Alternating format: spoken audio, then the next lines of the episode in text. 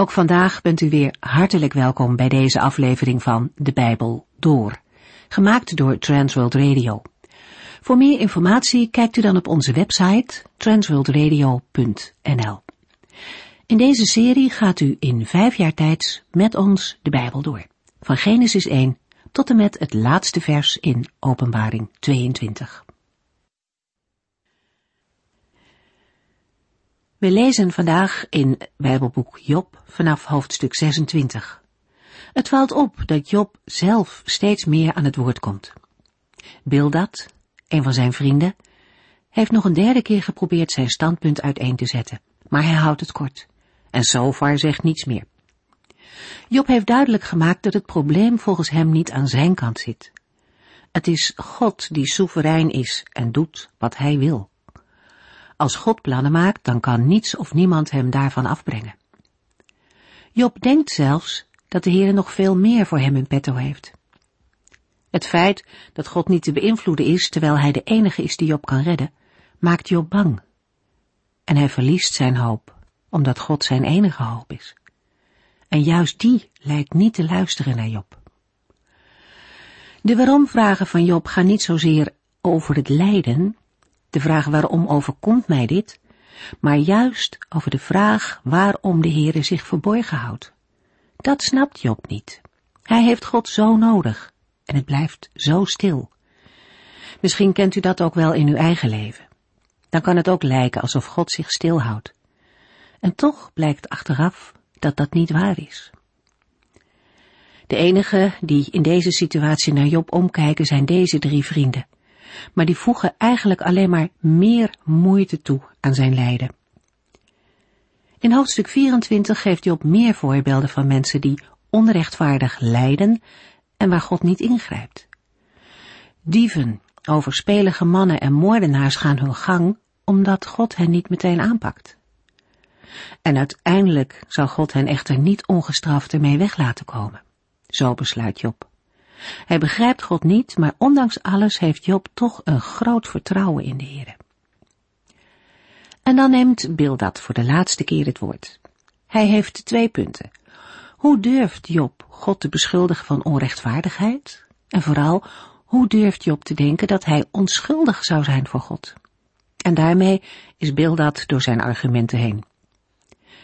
Dan neemt Job het woord en begint een lange toespraak. Daaruit lezen we verder in hoofdstuk 26.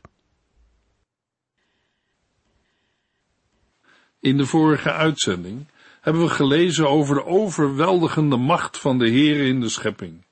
Gods heerschappij is zo overweldigend dat zelfs de doden uit het dodenrijk naakt en bevend voor hem staan. Zo strekt Gods heerschappij zich zelfs uit tot in de diepste krochten van het dodenrijk en ontgaat de Heere niets van wat daar gebeurt. Ook de hemel en de aarde vormen een teken van Gods grote macht die niet te evenaren is. Job 26 vers 7 God spreidt de noordelijke hemel uit over een leegte en hangt de aarde op aan het niets.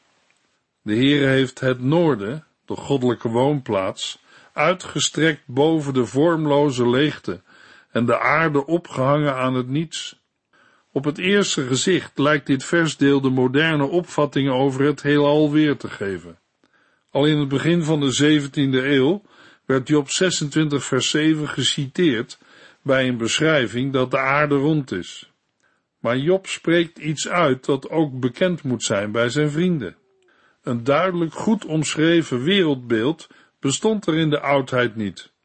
En hangt de aarde op aan het niets geeft aan dat de aarde in de lucht lijkt te hangen en biedt een andere voorstelling dan het drijven van de aarde op het water of dat de aarde en het hemelgewelf steunen op pijlers of pilaren.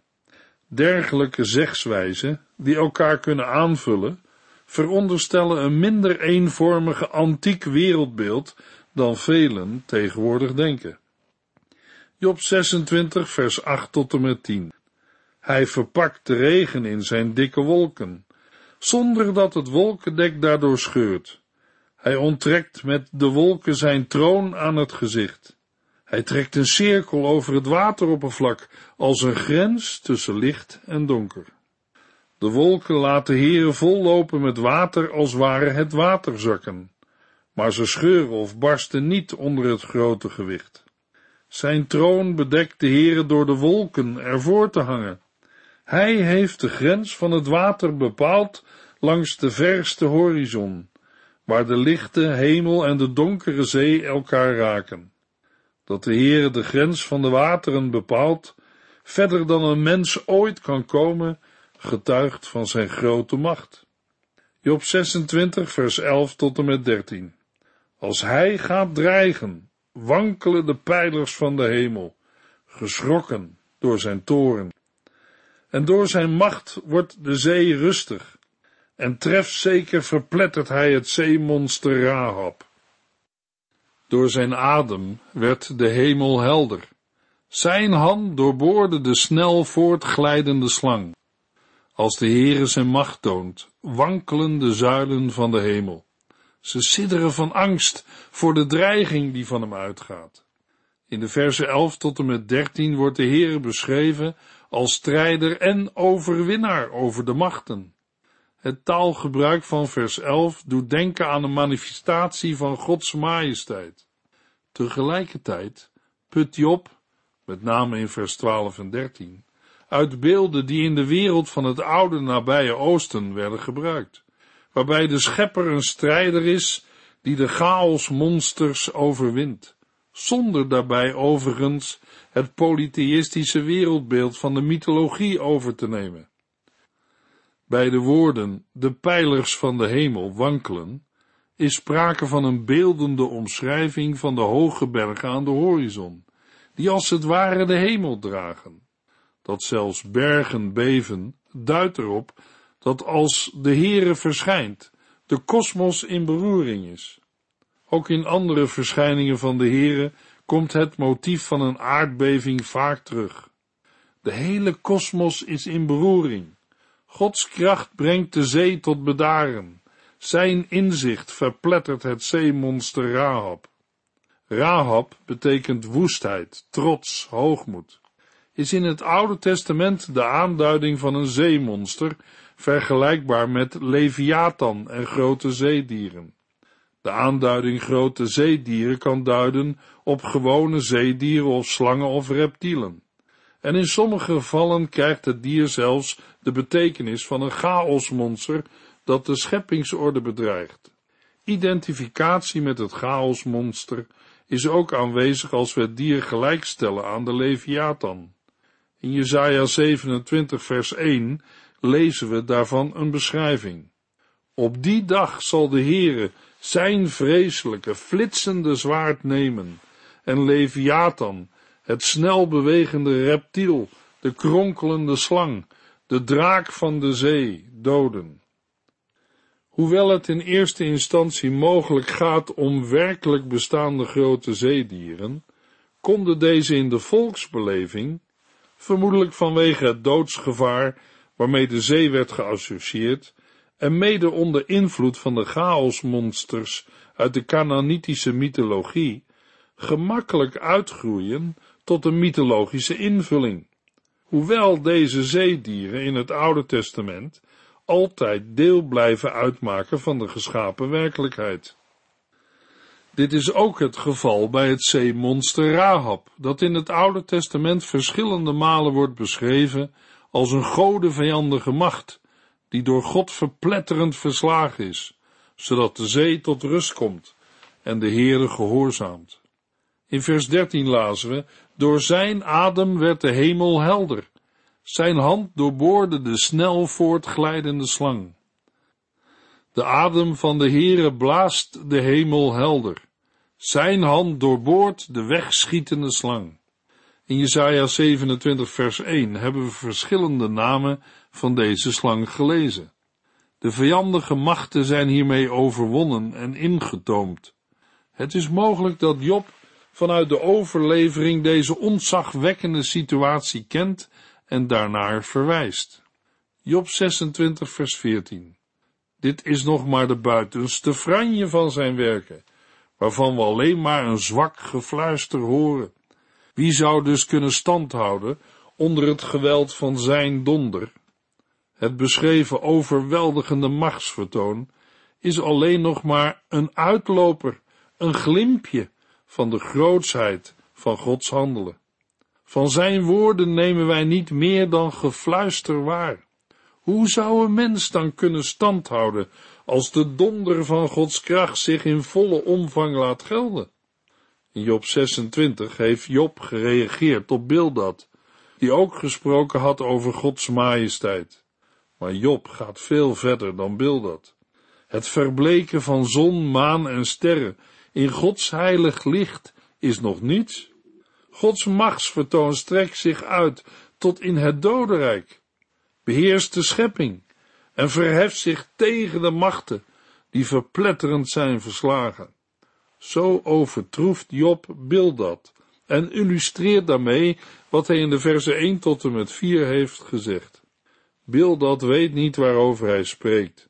Daarom is het beter dat hij zwijgt. Gods grootheid is nog vele malen groter en bedreigender dan Bildad vermoedt. Job 27, vers 1 tot en met 4. En Job vervolgde, ik zweer bij de levende God, die mij mijn rechten ontnam. Ik zweer bij de Almachtige God, die mij zoveel verdriet heeft aangedaan, dat zolang ik leef door de adem van God, mijn lippen geen goddeloze dingen zullen zeggen, en mijn tong niet zal liegen. In Job 27 zet Job zijn reactie op Bildad voort. Nadat hij Bildad duidelijk heeft gemaakt dat hij maar beter kan zwijgen, en heeft genoemd hoe overweldigend groot Gods almacht is, betuigt Job opnieuw zijn onschuld. Bildads woorden hebben hem niet op andere gedachten gebracht. Het laatste deel van Jobs antwoord begint met een plechtige eed. Maar daarin ligt meteen een ernstige aanklacht tegen de Heere in opgesloten. In andere vertalingen lezen we, zo waar God leeft die mij mijn recht onthoudt en de Almachtige die mijn leven verbittert. Dat de Heere hier als Almachtige wordt aangeduid, is in deze context dan ook geen geruststelling, maar eerder een bedreiging. Voor Job is de Heere een soeverein despoot die zijn ongebreidelde macht door niets of niemand laat inperken, zelfs niet door het recht. We moeten hierbij evenwel niet uit het oog verliezen dat Job zijn aanklacht verwoordt vanuit zijn diepste nood. Nadat de Heere zelf heeft gesproken, is Jobs toon heel anders. Trouwens, de Heere veroordeelt Jobs harde woorden nergens, al maakt hij wel duidelijk hoe beperkt de blik van Job is. Job pijnst er dan ook niet over zijn vrienden gelijk te geven. Job 27 vers 5 Ik zal mij nooit, maar dan ook nooit neerleggen bij jullie mening. Tot mijn dood zal ik aan mijn onschuld blijven vasthouden. Tot aan zijn laatste ademtocht zal hij zijn onschuld staande houden. Job 27 vers 6 Ik ben geen zondaar en zal mijn rechtvaardigheid handhaven. Mijn geweten zal mij niet aanklagen zolang ik leef. Zo blijft Job bij zijn pleidooi, dat de ellende die hem heeft getroffen geen oordeel is over zijn zonde, maar dat hij onschuldig lijdt. Job 27, vers 7 tot en met 12. Degenen die iets anders zeggen, zijn mijn goddeloze vijanden. Dat zijn slechte mannen. Want welke hoop heeft de goddeloze als God hem afsnijdt en hem zijn leven afneemt? Zal God naar zijn hulpgeroep luisteren als hij in moeilijkheden komt? En zal hij blij zijn met de Almachtige en hem altijd aanroepen? Ik zal jullie iets leren over Gods doen en laten met de mens. Eigenlijk hoef ik dat helemaal niet te doen, want jullie weten net zoveel over hem als ik. Toch doen jullie allemaal van die onzinnige uitspraken. Dan verschuift de blik in vers 7 naar goddeloze vijanden en slechte mannen. Zij moeten juist delen in het lot van de goddelozen en de misdadigers. Wat voor hoop is er nog voor de goddeloze als God zijn leven afsnijdt en zijn ziel opeist?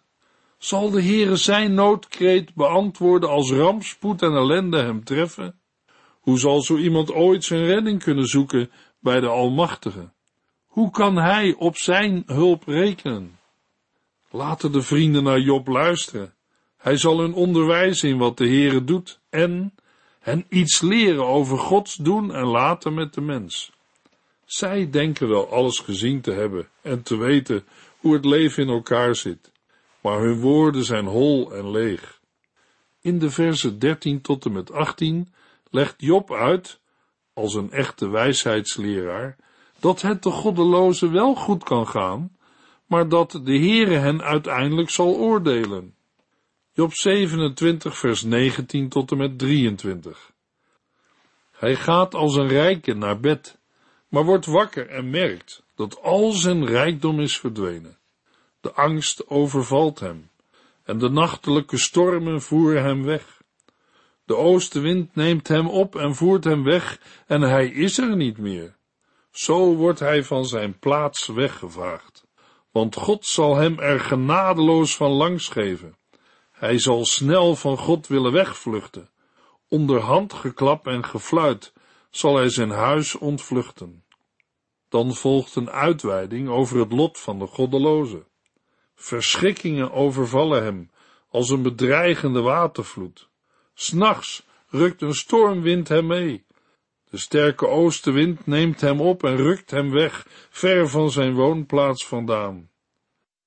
De oostenwind is de beruchte en bedreigende harde woestijnwind.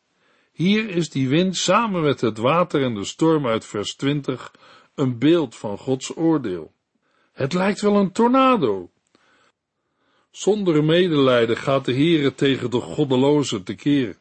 Hoe deze ook aan zijn greep probeert te ontsnappen, het is te vergeefs. Er wordt over hem in de handen geklapt als teken van afschuw en leedvermaak. Honend wordt hij in zijn woonplaats nagefloten. Job 28, vers 1 tot en met 3. Job vervolgde, de mens weet waar hij zilver en goud kan vinden, en hoe hij het moet zuiveren. Hij weet hoe hij ijzer uit de grond moet halen en koper uit steen moet smelten. De mens weet hoe hij licht moet maken in het donker, zodat hij onder de grond kan werken, de aarde kan onderzoeken en er grondstoffen kan ontdekken. In de voorgaande hoofdstukken heeft Job het antwoord aan zijn vrienden afgerond. Wat volgt is nog een laatste toespraak, waarmee de cyclus van toespraken als geheel wordt afgesloten. Het opschrift boven Job 29 verdeelt de toespraak in twee gedeelten, zodat Job 28 daarbinnen een eigen plaats inneemt. Job begint zijn slotpleidooi met een beschouwing over de vraag waar wijsheid gevonden kan worden. In een refrein dat Job 28 het karakter geeft van een lied of een gedicht, wordt deze vraag nadrukkelijk gesteld. In vers 28, het slotvers, wordt de vraag tenslotte beantwoord. Tegelijkertijd brengen de refreinen een duidelijke structuur aan, doordat ze beide keren het begin vormen van een nieuw dichterlijk gedeelte met een eigen thema. De eerste strofe opent zonder nadere inleiding. Het op deze manier zonder aankondiging aansnijden van een onderwerp, waarvan de bedoeling pas verderop duidelijk wordt, past bij het dichtelijke karakter van de wijsheidsliteratuur. Het onderwerp dat in de eerste elf versen centraal staat is de mijnbouw. Job geeft in de eerste verse aan dat de mens weet dat er mijnen bestaan, waar zilver wordt gewonnen. De mens weet waar goud te vinden is en hoe het kan worden gezuiverd, hoe ijzer uit de grond gehaald moet worden en koper uit erts moet smelten. Met fakkels en olielampen wordt de duisternis in een mijn verdreven en wordt doorgedrongen in het binnenste van de aarde, tot bij het gesteente dat verborgen ligt in het donker. Job 28 vers 4 en 5 Diep onder de zwarte rotsen graaft hij schachten en bungelt hij aan touwen naar beneden, ver van de bewoonde wereld. De mens weet hoe hij uit de aarde voedsel kan verkrijgen, terwijl er diep beneden een vuur brandt. In vers 4 wordt gesproken over het uithakken van mijnschachten, waarin de mijnwerkers aan touwen hangen, ver weg van de mensen, zonder vaste grond onder de voeten. De aarde levert brood maar onder de grond wordt gewoeld, zoals een vuur alles omwoelt. De aarde levert niet alleen ijzer, koper, zilver en goud op, maar brengt ook voedsel voort, brood om te eten. Job 28, vers 6 tot en met 8. Hij weet hoe hij edelgesteente en goudstof kan vinden. Schatten die geen roofvogel kan zien. Waar zelfs het oog van de gier niet scherp genoeg voor is. Geen enkel wild dier heeft ooit over die schatten gelopen. De leeuw heeft ze nog nooit met een klauw aangeraakt. Wie kent de weg naar deze kostbaarheden? Hoe scherp de ogen van een roofvogel en een gier ook mogen zijn, zij weten het niet. De trotse dieren en de leeuw, hoe ver ze ook in de wildernis zijn doorgedrongen, zij hebben die schatten nog nooit aangeraakt. Job 28 vers 9 De mens weet hoe hij een harde rots kapot kan krijgen en tot in de fundamenten van een berg kan doordringen. De mens slaat de hand aan het harde gesteente, ze hakken met stenen werktuigen en halen het binnenste van de bergen naar boven. Job 28 vers 10 en 11 Hij hakt gangen in de rotsen en legt kostbare gesteenten bloot. Hij dampt onderaardse stromen af en brengt aan het licht wat verborgen is. In het licht van wat volgt wordt duidelijk dat de hier gegeven beschrijving van de mijnbouw illustratief is voor de menselijke zoektocht naar dat wat kostbaar is. De mens heeft er heel wat voor over om die kostbaarheden te verkrijgen. Hij verlaat de bewoonde wereld en daalt af in het verborgene, als het ware in de onderwereld, om daaruit op welhaast bovenmenselijke wijze de kostbare schatten naar boven te halen. De hier vermelde bijzonderheden waren in 2000 voor Christus al bekend. Job 28 vers 12 tot en met 14. Maar hoewel de mens dit alles kan, weet hij niet waar hij wijsheid en inzicht kan vinden. En niet alleen weet hij niet hoe hij ze kan krijgen, maar uiteindelijk zijn ze ook niet onder de levenden te vinden. Hier zijn ze niet, zeggen de oceanen. En de zeeën voegen daaraan toe, hier zijn ze ook niet. Dan klinkt aan het begin van de tweede strofe van het gedicht over de wijsheid voor het eerst het refrein. Waar zal men de wijsheid zoeken? Waar is het inzicht te vinden? Er mag dan wel een plaats zijn waar zilver of goud gewonnen wordt, maar geen mens weet waar hij wijsheid en inzicht kan vinden. In het land der levenden, waar de mensen wonen, is zij niet te vinden. Ook in de diepe oceanen en zeeën niet. Job 28, vers 15 tot en met 19. Ze zijn niet te koop voor goud of zilver, en ook niet voor al het goud van Ophir, kostbare onyx of saffieren. Wijsheid is oneindig veel waardevoller dan goud en kristal. Ze kan niet worden gekocht met gouden sieraden. Wijsheid is veel meer waard dan koraal en kristal, kostbaarder dan een zak vol parels. Topaas uit Ethiopië voldoet niet, net zo min als het puurste goud. Zo maakt de tweede strofe duidelijk dat de wijsheid voor de mens onbereikbaar is. De mens kan de wijsheid niet vinden, omdat hij de weg erheen niet kent. De mens kan de wijsheid niet kopen, omdat de waarde ervan zelfs de kostbaarste schatten van de aarde nog overtreft. Job 28, vers 20 tot en met 22. Maar waar kunnen wij die wijsheid dan krijgen? Waar is echt inzicht te vinden?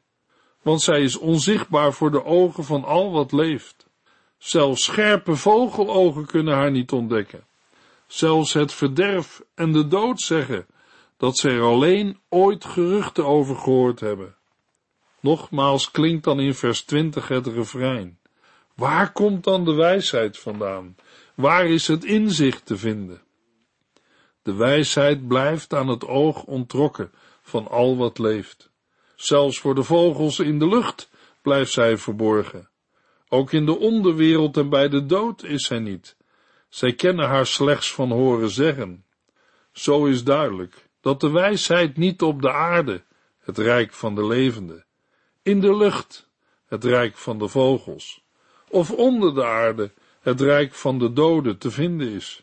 Maar waar bevindt ze zich dan wel? Job 28, vers 23 tot en met 27. Natuurlijk weet alleen God waar het te vinden is, want Hij kan de hele aarde en alles wat zich onder de hemelen bevindt overzien. Toen Hij de kracht van de wind vaststelde en de grenzen van de oceanen bepaalde, toen Hij de wetten van de regen maakte en een pad voor het onweer baande, toen zag Hij de wijsheid en toetste haar, Hij peilde en doorgronde haar. Alleen God kent de weg naar de wijsheid. Alleen Hij weet waar de wijsheid woont. Hij begrijpt en doorziet haar. Anders dan voor welk schepsel dan ook, kent de wijsheid voor de Heere geen geheimen. Blijft er dan voor de mens helemaal geen hoop om wijsheid te vinden? Ja, toch wel. Maar alleen omdat de Heere de weg naar de wijsheid bekend heeft gemaakt. Job 28 vers 28. En dit zegt hij tegen de hele mensheid. Ontzag te hebben voor de Heere, dat is ware wijsheid. Het vermijden van het kwaad is inzicht. Wijsheid is ontzag hebben voor de Heere. Inzicht is het kwaad te mijden. Op eigen kracht kan de mens geen wijsheid verkrijgen, niet door diepzinnige filosofieën, en ook niet door het onderzoeken en bestuderen van verborgenheden, maar alleen een rechtvaardige en godvrezende levenswijze leidt tot wijsheid. Luisteraar, hoe is het met uw wijsheid? U mag er de Heer om vragen. In de volgende uitzending lezen we op 29 en 30. U heeft geluisterd naar De Bijbel Door. In het Nederlands vertaald en bewerkt door Transworld Radio. Een programma waarin we in vijf jaar tijd de hele Bijbel doorgaan. Als u wilt reageren op deze uitzending of u heeft vragen, dan kunt u contact met ons opnemen. Tijdens kantooruren kunt u bellen op 0342 478432. 0342 478432. Ook kunt u een e-mail sturen naar de Bijbel door at transworldradio.nl en natuurlijk kunt u ook via de post ons bereiken. TWR, postbus 371, postcode 3770, AJ in Barneveld. Dit programma werd gepresenteerd door Cor Weda en Ike André. Techniek was in handen van Odin van Voerkom. En wij allemaal bedanken u voor het luisteren. Graag tot de volgende keer.